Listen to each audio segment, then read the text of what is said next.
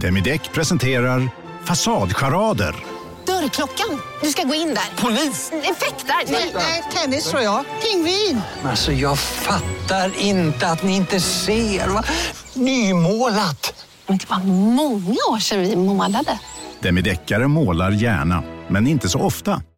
Bara på Storytel. En natt i maj 1973 blir en kvinna brutalt mördad på en mörk gångväg. Lyssna på första delen i min nya ljudserie. Hennes sista steg av mig, Denise Rubberg. Inspirerad av verkliga händelser. Bara på Storytel. Hej och välkomna till podcasten Billgren Wood. Jag heter Elsa Billgren Jag heter Sofia Wood. och idag ska vi prata om det som vi strävar efter och längtar efter och trånar efter, nämligen lyx. Eh, Vi tycker att det finns en helt ny typ av lyx idag och vi kallar den för Nouveau Lyx. Välkomna!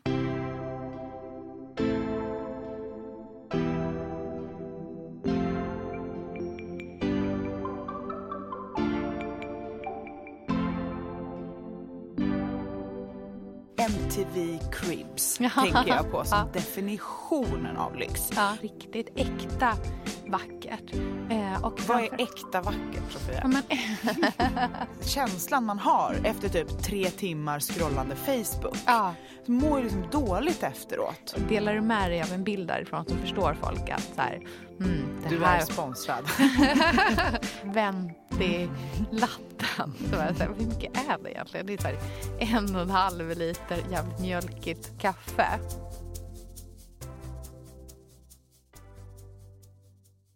Ja, eh, det här är verkligen intressant för att eh, lyx, vad som är lyx har vi ju eh, ändrat definitionen av väldigt mycket eh, under åren. Alltså om man tänker klassisk lyx, då går jag i alla fall tillbaka till eh, 1700-talet och jag tänker Versailles och det här franska hovet. Mm. Mycket Eh. guld och kristallkronor, kungahus, adel. Spegelsalen. Mm. Mm. verkligen.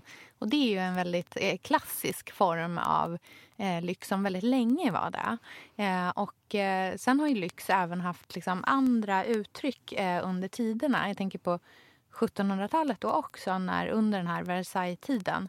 Då är det ju den liksom, ultimata lyxen att eh, vara väldigt blek. Mm. Det här Eh. minns jag så mycket från skolan när man Ah. skulle lära sig kulturhistoria. och det var varför man hade mycket vitt puder. Mm. Jo, för att man skulle eh, visa att man inte behövde vara utomhus. Precis, att man var inte en del av liksom det här bondesamhället. Du behövde inte bruka på åkern utan du var en, eh, en, en innekatt helt ja, enkelt. och sådana grejer blev liksom trender och det är ju sånt som vi tycker är spännande. Mm, verkligen. Och sen kom industrialiseringen och då är ju hela, liksom, vad det innebär att vara arbetarklass skiftar ju där. Eh, och eh, man måste helt plötsligt vara inne jättemycket för man jobbar i en fabrik. Och då är det helt plötsligt inte alls lyxigt att vara blek utan då blir ju liksom överklassens eh, signal att jag är, står inte i en fabrik är ju då istället att bli solbränd igen. Eh, jag tänker på den här 20-30-talsestetiken med liksom tennisbanor och solbrända ben. Och hälsa var ju väldigt stort på Ja. Mm. 30-talet överhuvudtaget. Att man liksom var ute, gymnastik. Exakt. Och där har ju vi liksom sen befunnit oss i det väldigt länge.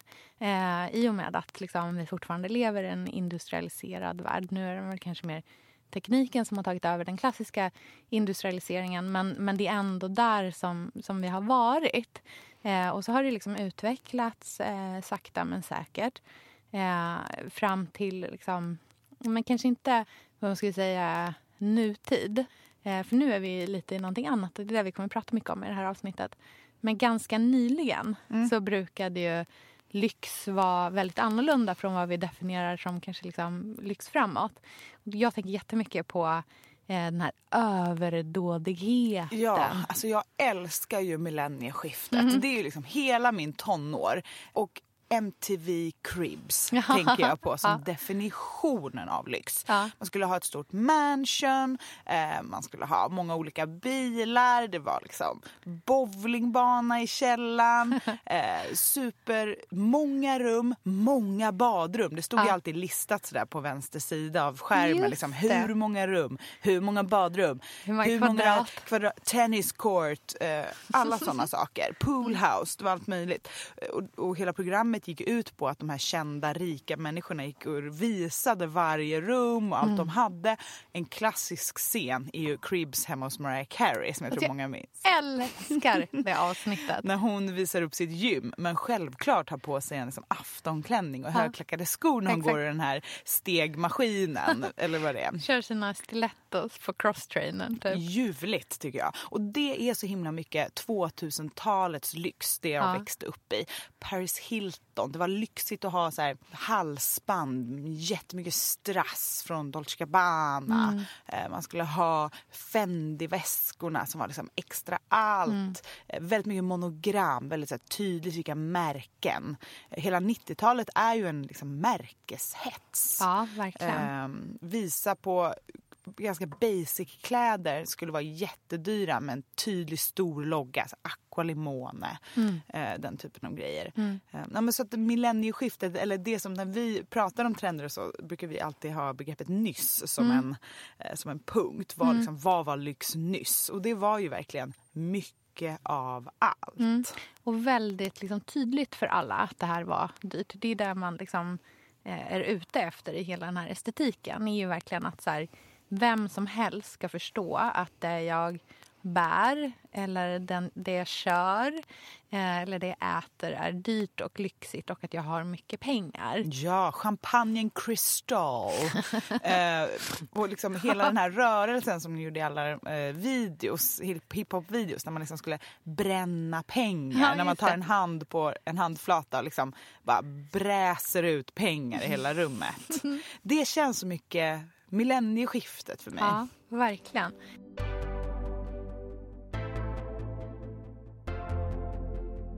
Ja, vi levde ju där ganska länge skulle jag säga. Eh, det där går ju egentligen tillbaka till 80-talet på visst sätt också. Liksom. Det är ganska många år som, som, som det var så. Eh, men sen kom det ju någonting som jag tycker är väldigt intressant. Det är ju när liksom pengar eh, blev tillgängligt för fler. Och då att liksom köpa sig till den här typen av eh, livsstil blev enklare.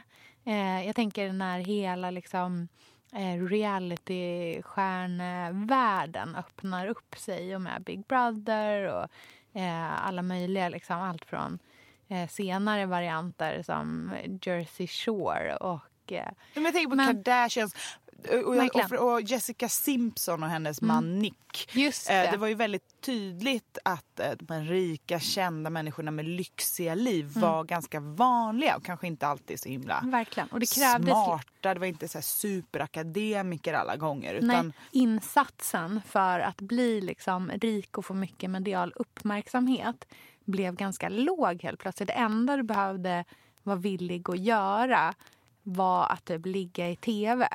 Så kunde du bli känd och bli någon och få mycket pengar. Och då blir ju liksom så här, där börjar ju så här kändisskapets fulkultur att bli väldigt stor helt plötsligt. Eh, liksom C-kändisar som har en miljon följare på sociala medier eller följs av paparazzi. Och då finns ju liksom en mättnad i hela det tänket.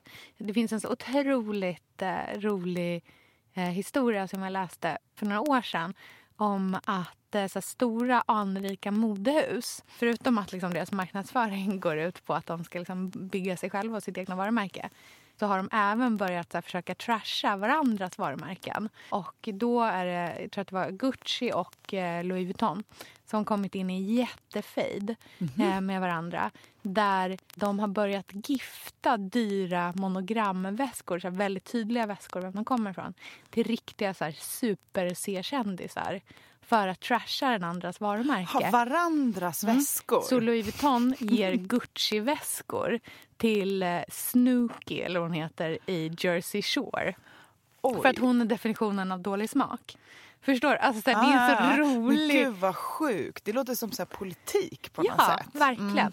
Och då någonstans där så börjar man ju också så förstå att okej, det här kan inte vara lyx längre. Vi måste hitta någonting annat Ja, som för är lyx är ju någonting som är svårt att nå. Mm. Det ska vara liksom eftersträvansvärt, det ska vara sällan Mm. man upplever. Det får inte vara eh, vardagsmat. Nej, det ska bli mer svårtillgängligt. Liksom. Det ska kräva någonting som inte alla kan ha.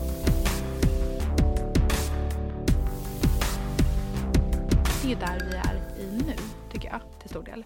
Att vi har ändrat det. det finns liksom, vi har gått in som ett paradigmskifte i så här, vad är definitionen av lyx idag och om man kan fejka sig till pengar, liksom, låna sig till lyx, skapa en, en illusion av att, att ha lyx.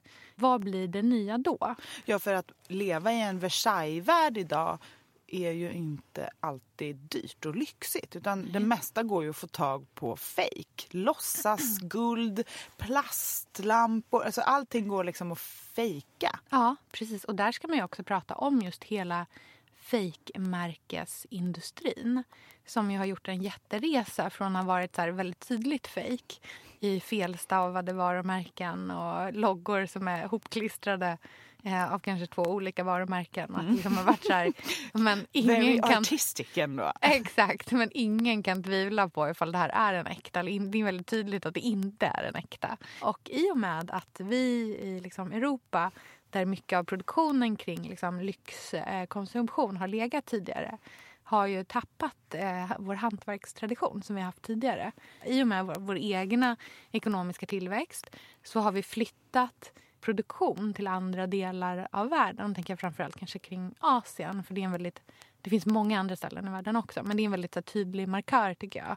Eh, när liksom, Kina-kopior eh, som kanske tidigare verkligen har varit kopior även är tillverkningsstället för det som är lyx på riktigt. Som, alltså den äkta Ja, varan. kopiorna är ju riktigt bra nu. Ja, Och men för det kan ja. mycket väl vara så att det äkta och kopian tillverkas på samma plats, i samma fabrik till och med. Ja, men där liksom händer det ju någonting. Om man tänker att liksom hantverk som vi har tappat här, det söker vi efter. Jo, men där hamnar lyxen då igen. Där hamnar den nya lyxen. Och för mig när jag tänker på vad som är lyxigt idag, då tänker jag jättemycket på så här, genuinitet, att det är äkta på riktigt, äkta vackert. Eh, och Vad är äkta vackert, Sofia? Ja, men jag tänker att äkta vackert är eh, någonting som kräver eh, god smak från dig själv.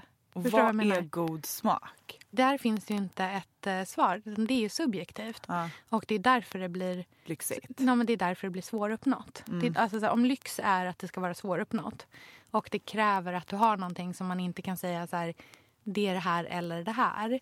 Eh, utan det kan vara olika. Där i kommer du till den här svåruppnådda eh, nivån. Är du inne, förstår du hur jag liksom Absolut. tänker?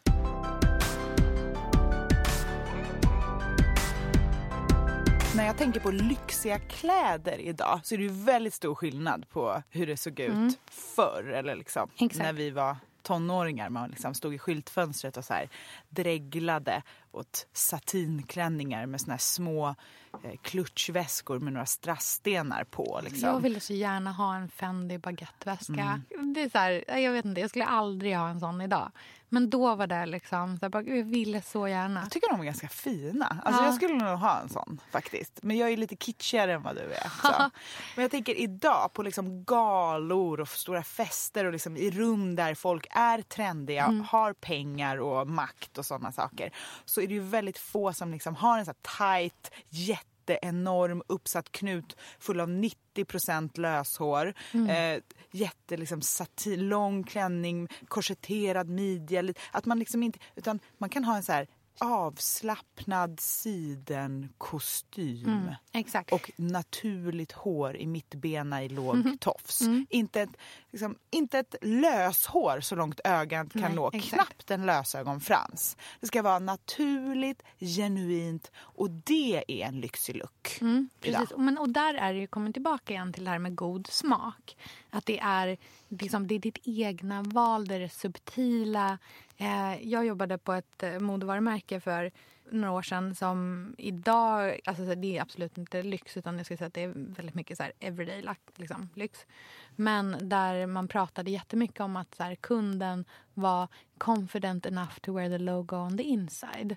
Eh, det tycker jag ändå så här, det är intressant där eh, i den liksom, att man säger så, att man tänker på det sättet. Och det, Och it-märkesväskorna man ser idag är ju väldigt sällan med stora loggor. Nej, precis. Jag tänker på liksom så här, idag så skulle man väl säga att så här, The Row, varumärket. Eh, om man inte känner till det så gå in på Instagram och kolla deras eh, Instagram-feed. Det är ju otroligt lyxigt. Det är extremt dyrt. Alltså det är verkligen så... Man blir chockad när man eh, liksom vänder på prislappen på någonting. Men, men det är ju otroligt enkelt. Alltså det är så här verkligen ett par beigea byxor och en vit t-shirt. Och så bara, mm, fast byxorna är kashmir. Och eh, t-shirten är så virgin silk. Virgin silk ja, också. så här, det är typ så här, Jag menar, det, det låter jäkligt dyrt. det är så härligt. Ja, men att kunna ha en backstory till Mm. grejer är ju väldigt lyxigt idag. Vi har ju pratat ganska mycket de senaste åren om liksom storytelling Mm. i reklamvärlden och sånt. Man vill veta mer. Mm. Man, när man läser en meny på, ett, liksom, på en lyxig restaurang så står det liksom exakt vilken gård som det där fåret kommer ifrån. Mm. Just det är det. väldigt noga. Det är som mejeriets namn, allt möjligt. Exakt vilken del av vilken skog är den här svampen plockad. Det känns ju som en väldigt ny typ av lyx. Mm, verkligen. Eh, och eh, där har man ju också gått ifrån att liksom ha möjligheten att äta rysk kaviar eller eh, jordgubbar som är influgna från Peru samma morgon till att eh, liksom äta det som finns i ens närhet. Och det är också det här med det genuina hantverket, att det, det, är, liksom, att det är äkta. Eh, men om man tänker så här rent estetiskt Eh, om det förr var liksom, om det lyxigaste var man reste var att bo på liksom, Ritz i Paris där det är guld och överdåd och alla vet att det är dyrt att bo där. Delar du med dig av en bild därifrån så förstår folk att så här, mm, det Du här är sponsrad. det är så influencer-tänket. Verkligen. Ja, en vanlig person då, då, som jag eh, så tänker man nog snarare typ så här, det där blev dyrt. Men där har man ju eh, liksom estetiken för vad som är riktigt lyxigt idag och som känns väldigt modernt. Det är ju att resa till en öde strand eh, någonstans, kanske Mexiko eller ja, det kan vara många olika ställen. Men det ska vara öde, det ska vara svårt att hitta dit. Eh, det ska ha krävt god smak att du ens kom på att du vill åka dit. Hotellrummet är så långt ifrån Versailles lyx som du kan komma. Det är, det är två drivvedsplankor som är nerkörda i sanden och så är det, ligger ett så här vitt bomullstyg över som är din enda, liksom, ditt enda tak. Och så ligger du på en så här yogamatta och bara mm, sen. Ja, det finns ingen liten lapp bredvid där det står vilket wifi password. Det finns inget wifi för det är liksom, tanken är inte att du ska dela med dig av det här heller utan det här är bara för dig. Och det pratade vi ju om i avsnittet med eh, vintagebröllop. Att den nya typen av bröllop som, som känns trendiga är ju de där man inte har en hashtag eller en bröllopsblogg och sådana saker. Att det är liksom den nya nivå lyx är att inte tänka på alla andra och hur de ska uppfatta det man gör utan att faktiskt tänka på sin inre harmoni. Mm. Det där är svårt, tycker jag själv. Att så här, inte dela med sig. Det är ett helt, det nu vi har fått ett väldigt så här, invant beteende idag, tycker jag. Eh, där så här, någonting är fint så åker kameran upp snabbt. Alltså. Har väldigt svårt för mig eftersom det är det jag livnär mig Ja, på. verkligen. Och nu så här, ja, men om då ska åka någonstans där det, så här, det finns inget internet. Du ska inte dela med dig av det. Det blir lite så här, behöver, ska jag åka på den här resan överhuvudtaget? En av mina trend, känsligaste kompisar skickade ett sms till mig strax innan, eh, strax innan jul och bara hej, eh, nu stänger jag av telefonen, sätter på den igen ungefär vid nyår. Vi hörs. Modigt. Ja, så modigt tyckte jag. Och då kände jag också så här, gud, lyx är ju eh, just det där. Eh, så här, digital detox. Eh, och det vi pratar om väldigt mycket här går ju också tillbaka till tid. Eh, att ha tid att Mm. eh, göra saker som är liksom urpluggade. Eh, att inte vara liksom ständigt on call eller tillgänglig. Mm. Att det känns som en otroligt liksom, lyxmarkör i vår tid idag. Om lyx för 15 år sedan var extra allt Mm. av allting och lite därtill. Jag vet, ha en Blackberry, typ två telefoner och så här fem fasta telefoner på sitt eh, skrivbord med så här olika tidszoner. Så man var så otroligt påkopplad. Skärmar i, alltså i Ja, ryggstödet på exakt. bilen ha Ja. olika skärmar. Vi var uppenbarligen TV inte... på toan, var inte det Ja, lyxigt? det Det var var, ju ultimata lyxen. Ja. Lyxigt att ha som TV i varje rum Mm. och sådana saker. Elsa, vi är ju sponsrade av Bosch. Älskar. Älskar att vi båda nu har varsin serie 6 köksmaskin. Det har varit hembakt morgonbröd hela veckan. Det är det lyxigaste jag kan tänka mig. Är inte det en god barndom, så säg. Ja, alltså, om det här inte är idyllen. Men grejen är så här. Jag vill ju ha alla de här sakerna. Jag vill ha nybakt, hembakt bröd på morgonen. Ja. Men just nu i mitt liv så är det mycket som får stryka på foten. För att jag har inte tid. Men med den här otroliga maskinen så hinner jag baka bröd. Den sköter liksom allting själv. Jag behöver inte ens knåda. Jag sätter på den och den gör knådrörelserna åt mig. Alltså, serie 6 har ju sju stycken sensordrivna automatiska program. Ja, det När jag hör den hör meningen, det. ja, då känner jag så här, jag kan inte misslyckas. Nej! Den, alltså, degen blir perfekt. Mm. Det är som att jag har lagt ner jättemycket tid och energi på det här brödet när det jag har gjort är att hälla saker i en skål och trycka på en knapp. Underbart. Mm. Nej, men man bakar ju som ett proffs och jag tycker om att baka enkla grejer och de Ja. blir ännu enklare med Bosch serie 6. Alltså, jag har ju haft Bosch i mitt liv ganska länge Mm. och speciellt på landet. Så för mig är det förknippat med att det blir gott, det är mysigt Mm. och det är tryggt för det blir riktigt bra varje gång. Man väger ju också sakerna direkt i skålen, så det blir Mm. inte tusen olika saker som måste diskas och som är krångliga. Det är verkligen sänka ribban. Men Bosch har ju tänkt ut vad vi skulle kunna misslyckas Ja. med och eliminerat de faktorerna så att det blir bra varje gång. Och Man kan ju också prova hemma i 100 dagar Mm, med fri returrätt. Ja. Och, så att Bosch vill ju verkligen att vi ska vara nöjda med produkten. Det är väldigt bra att man kan få testa på hemma så Ja, att man kan vara verkligen. extra säker på att det funkar. Mm. In och läs mer om Bosch köksmaskin serie 6 och köp den hos Power. Mm, tack Bosch. Tack!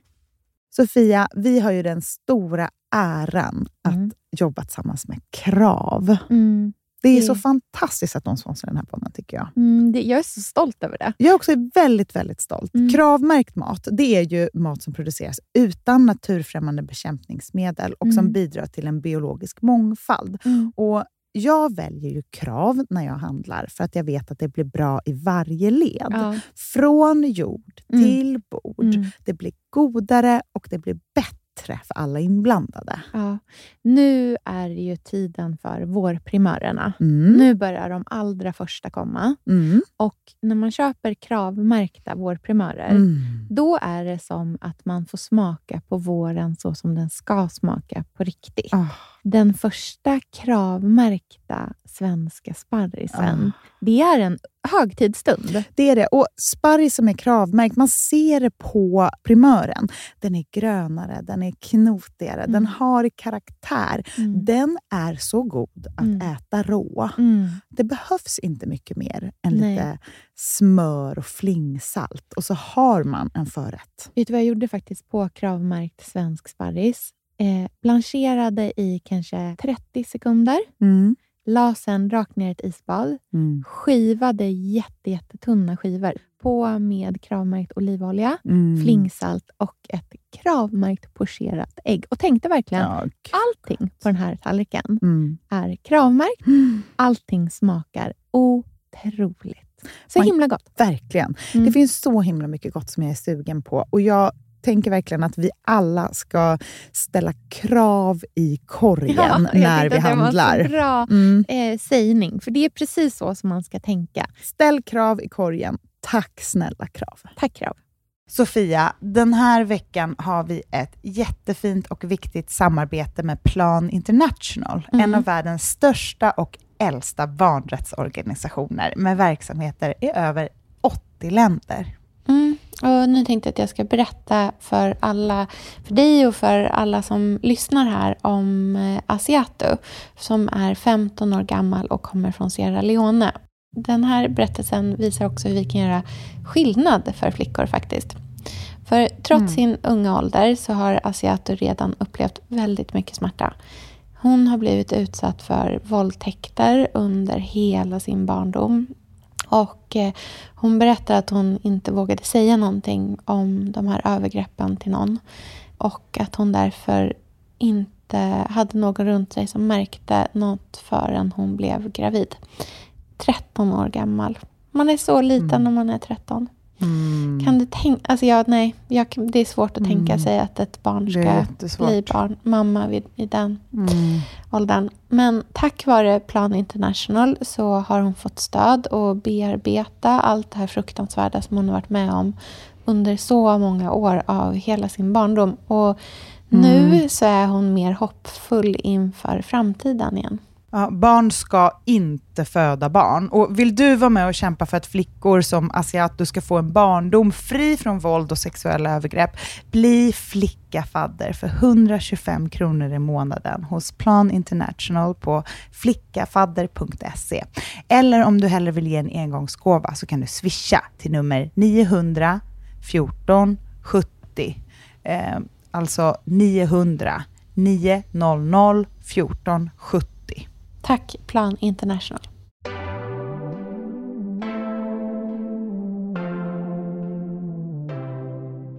saker. Ja, exakt. Det känns ju inte så trendigt eller lyxigt idag. Nej, det känns ju väldigt så här trumpigt snarare. Ja, de nya tv-apparaterna ser ju ut som, som små konstverk Ja. eller skulpturer eller Exakt. tavlor i väggen. Ska helst inte synas. Nej.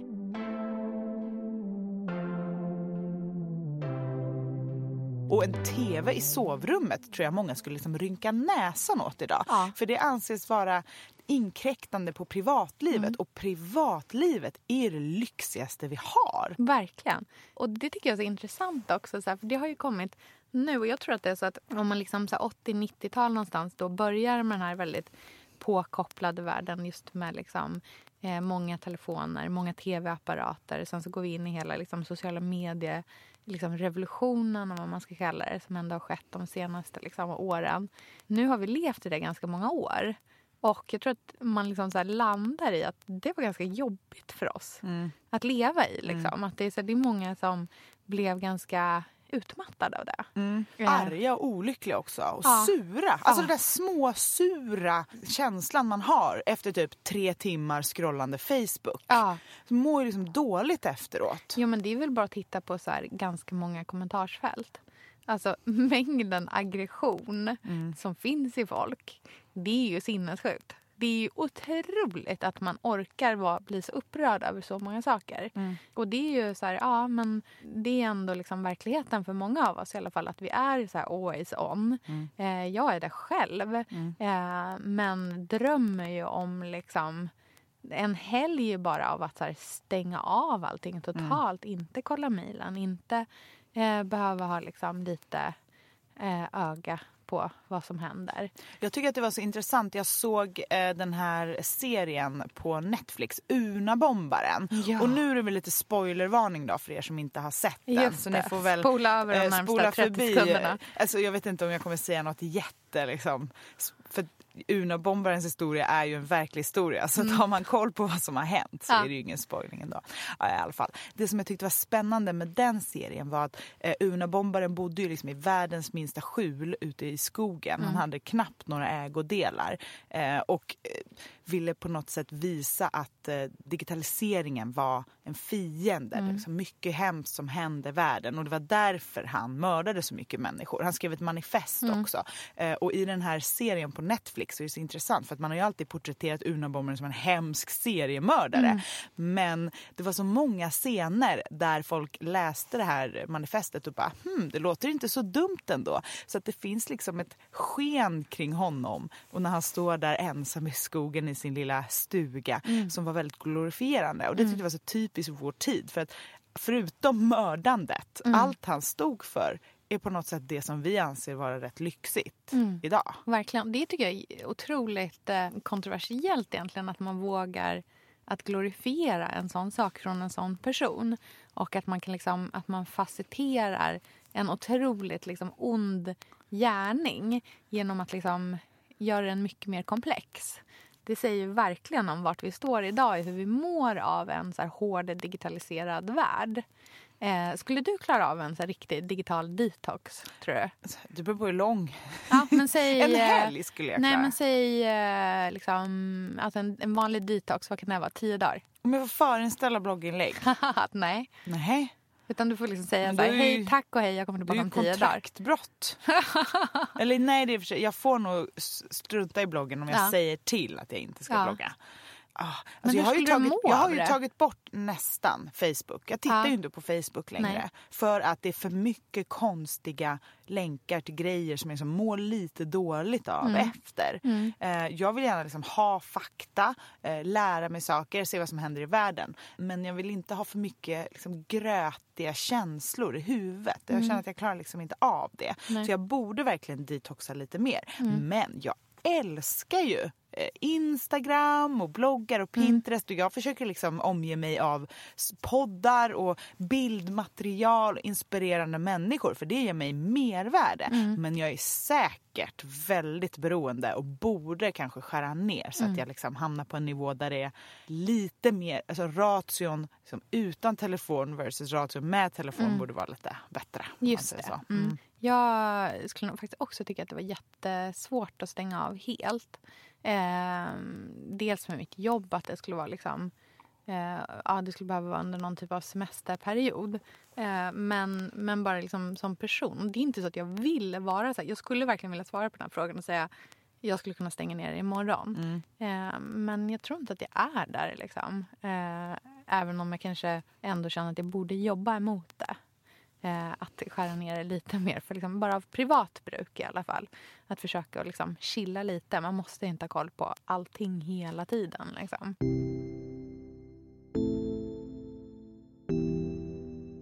Vi ska vara lite konkreta.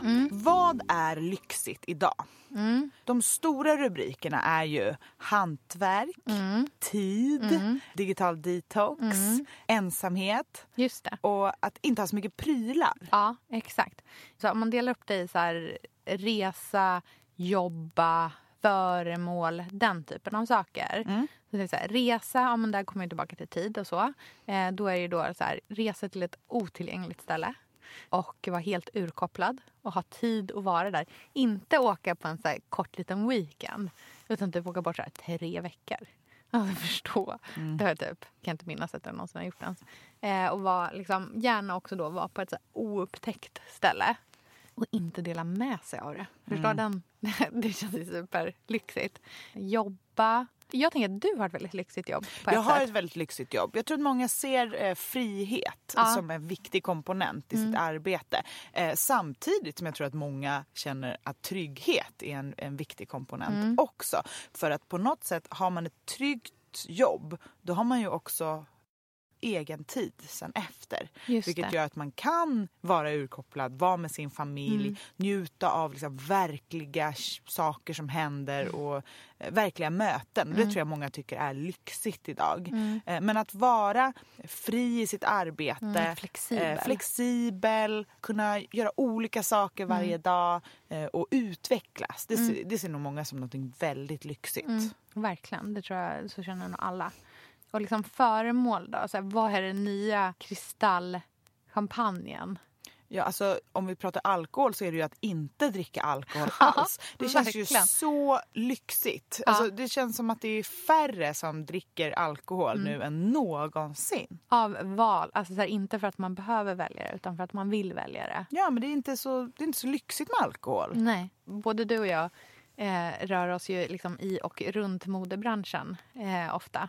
Eh, som man tidigare har känt varit en väldigt så här, blöt bransch. Så är det ju verkligen inte idag. Alltså. Nej.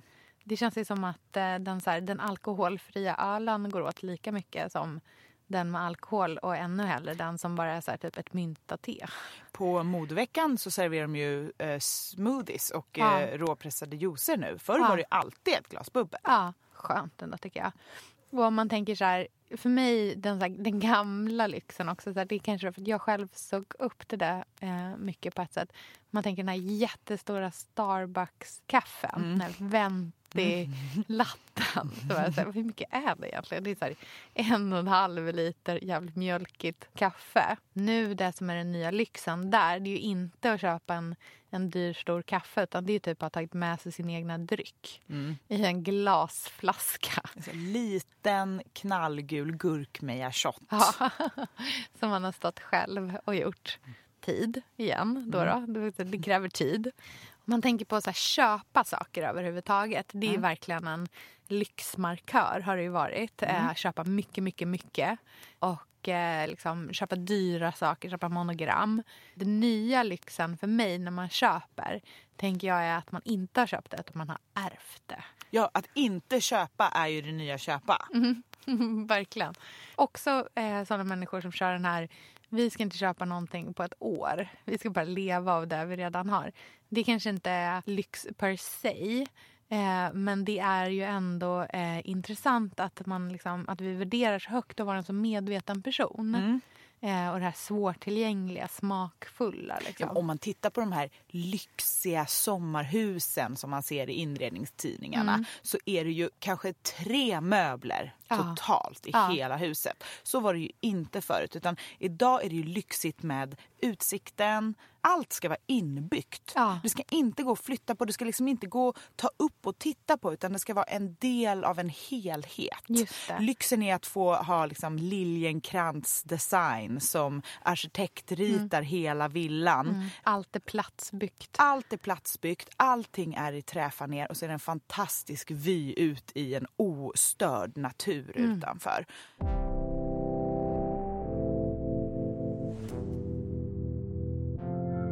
Om dagens lyx är sånt som berättar en historia, hantverk, genuinitet och sådana saker. Då skulle jag säga att morgondagens lyx, det är sånt som liksom gör gott Ja, också. Tänker så här, jag såg eh, Jerry Seinfelds eh, tv-program Celebrities in Cars Drinking Coffee, eller vad den Just heter. det, ja, Ja. de bara kör runt. De bara kör runt i olika bilar. Och då var Jim Carrey en av gästerna. Och han satt liksom i ett par casual, bara vanliga sportshorts, någon t-shirt, eh, fötterna på instrumentbrädan var så casual och berättade att han har ju en Tesla och han målar tavlor. Och det kändes som en sån tydlig inblick i en eh, framtida lyx. Men tror du alltså att vi går liksom från det här smakfulla, väldigt liksom korrekta som är lyx idag till att bli liksom mer hippie och bry oss min För att det här smakfulla idag kräver ju att man bryr sig ganska mycket. Liksom. Det är en otroligt väl utvald vit t-shirt. Tror att det är att vi liksom bara, "Ja, men det blir som det blir. Jag bryr mig inte så mycket. Jag tror att vi kommer ha mer och mer fokus på spiritualitet, Ja. eh, konstnärlighet, Just det. liksom egen tid med mig själv och min hjärna och min familj. Eh, möjlighet att testa alla mina drömmar. Göra allt det där jag vill göra. Bucketlisten. Ja. Känslan av frihet. Våga åka liksom, eh, konstiga vattensporter. Om, precis, Ja, om men- det är det som du går igång på. Så att, Ja, att göra det då istället för att göra det här Precis. Jättekorrekta. verkligen bli ett med naturen och med sin kropp. Just jag tror det. att fler och fler kommer meditera, bestiga berg. Vi kommer liksom våga vara mer vildingar. Och det blir lyx. Den personliga resan. Liksom. Ha, gud vad intressant. Ja, men det tror jag verkligen att du är på någonting där. Alltså. Mm, vad tror du är f- lyxigt i framtiden? Ja, men, jag är lite inne på, på samma sak egentligen. Men jag tror att liksom, just den goda gärningen, eh, det tycker jag man ser liksom, strömningar av redan idag. När eh, liksom, all möjlig typ av så aktivism har blivit väldigt stor och många engagerar sig i alla möjliga rörelser. eh, Från miljörörelser till eh, metoo och all, allt möjligt. Så att det liksom att så här, vi, vi börjar lite gå tillbaka till... Det var länge sedan vi marscherade i några tåg. Eh, men nu har vi börjat göra det igen. Eh, och det tänker jag är liksom en, en början till ett skifte i vårt samhälle. Eh, där vi just blir liksom mycket mer eh, medvetna om våra goda gärningar eller att bli en god människa. Och att här, engagera sig i det som är viktigt. Och den ultimata varianten av det här det är ju att försöka bli så altruistisk som det bara går. Mm, vad betyder det för någonting? Ja, men, alltså, en altruist är någon som gör eh, någonting gott men inte förväntar sig någonting tillbaka. Mm. Och inte ens kanske berättar att man har gjort det här goda. Men hur kan det yttra sig i liksom fenomenet lyx? Jo, men där tänker jag att det kan vara till exempel att eh, jag köper varumärken som är väldigt medvetna i sin produktion. Men det finns ingen avsändare som markerar för alla andra att det här är det här fantastiska, braiga varumärket som gör de här goda gärningarna. Tidigare har man kanske tänkt på, så här, man går till liksom, eh, mode igen då, för det är lätt att relatera till det. Har man kanske tänkt men Patagonia det är ett sånt varumärke som så här, gör gott och det gör de ju absolut. De har också en väldigt tydlig avsändare på sina kläder. Man ser ju verkligen den loggan väldigt tydligt. Medan idag så tycker jag att snarare så här, det som blir framåt egentligen, det här är inte så stort ännu för den breda massan i alla fall. Men det finns som ett varumärke som heter Everlane som jag tycker är jätteintressanta. Som eh, kommer från San Francisco. Eh, som allting som, är coolt. Allt som vi gillar. Mm, Allt som är så coolt och kommer från någon så här techig grund egentligen. De kommer därifrån eh, och de jobbar med någonting som de kallar för radical transparency. Där de visar vad som egentligen är eh, företagshemligheter. Eh, de visar liksom produktionen av alla plagg. Så exakt vilken fabrik är det som har gjort det. Man kan till och med i vissa fall få reda på precis vem det är som har gjort ditt plagg. När eh, kashmirindustrin, Nej, den, den kan ju verkligen så här fluktuera i pris ganska mycket beroende på tillgång. Och eh, när inköpspriserna för kashmir går ner, då sänker de priset på sina kashmirtröjor, vilket ju ingen annan i modebranschen gör. För det har ju bara gått upp och gått upp och gått upp de senaste åren och man har höjt priserna därefter. Men nu när det har börjat gå ner igen, då är det ju ingen som har börjat sänka sina priser. Förutom då ett så här altruistiskt varumärke som Everlane. Och där tror jag att så här, köpa den typen av kläder eh, där det inte står inte Everlane på dem. Det står liksom, det är diskret i nacken på insidan. Men det är ingen som kommer, du kommer aldrig gå runt med någonting från dem och folk var så här, åh du har köpt Everlane. Där tycker jag att den, så här, det nya liksom framåt kommer ifrån. Liksom. Och det är ju på något sätt också så den knyter an till lyxen som den är nu. Det här med Ja. storytelling. Ja. Att vi vill veta var allting kommer ifrån. Mm. Hållbarhet. Vi vill kunna liksom förstå på något sätt att det är okej kött vi köper när Mm. vi väl köper kött och sånt. Så det är lyxigt. Då vill man liksom unna sig något bra. Mm. Eh, Men det här är ju också att göra det men att inte skrika ut det vidare. Mm. Utan att skänka till välgörenhet Mm. eh, utan att få det där tackkortet. Verkligen, precis. Inte berätta att så här, vi är månadsgivare hos det här och det här och det här. Utan att man bara är det. Ja, och att det inte heller handlar om så konkreta grejer utan att det är liksom det lilla Ja. i vardagen. Att man Verkligen. hela tiden är medveten. Ja, precis. Och om man liksom tänker eh, att vi tidigare har dyrkat vid altaret av pengar, som vi har gjort länge. Att man liksom framåt tänker att man så dyrkar vid altaret av tid. Och mycket av det vi pratar om här nu, det du pratar om mycket med liksom den här nya hippien och sådär också. Det är väldigt mycket att man landar i så här spiritualitet också. Mm. Och det gör ju vi i många avsnitt. Ja. Vi pratar ofta om det att framtiden är spiritualitet Mm. och meditation och rökelse. Ja. Och den typen av liksom blicka inåt-tänk. Men där tycker jag att det, och det är så roligt när man, här, nu har vi gjort några avsnitt av den här podden. De, de är liksom nedbrutna i eh, olika avsnitt där man diskuterar en trend. Men det som är intressant när man liksom lyssnar på alla avsnitt är ju att det finns ju en, så här, en genomgående rörelse, eh, liksom en strömning i tiden som påverkar alla avseenden oavsett om det är vår mat, vår fredagsbukett eller hygge eller vad det nu kan vara. Men att det finns ett liksom, det finns en, eh, det är som en våg som sveper över alla aspekter av vårt liv. Och precis som på 1700-talet Mm. så är ju trenderna med pudrat ansikte till exempel ett tydligt tecken på Ah. vad som är eftersträvansvärt i det stora hela i Just samhället för Precis. människorna. Och där har man ju också, så här, om man bara ska så här, knyta an till, om vi börjar i det bleka ansiktet som blir det här solbrända ansiktet. Det nya lyxiga är ju att inte vara solbränd igen. Utan, utan att man är liksom eh, in, blek för att du har varit inlåst inomhus. Men nu ska du gärna ha varit utomhus men att du har inte blivit solbränd ändå. du har haft en stor hatt eller alla smörjer som är SPF 50, vilket visserligen Ja, fast vi knaprar D-vitamin också för att Mhm. vi har sån extrem brist på sol. Precis, men det är ju för oss här uppe tyvärr.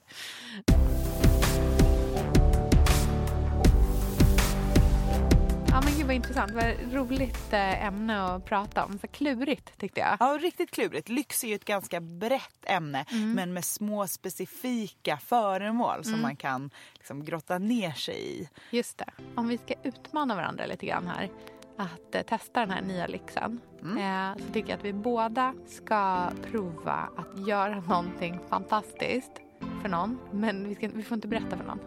Och vi får inte dela med oss att vi har gjort det här. Och bara känna på den känslan. Den känslan, Ja. det är Nivå Lyx. Exakt. Tack för idag. Hej då. Hej då.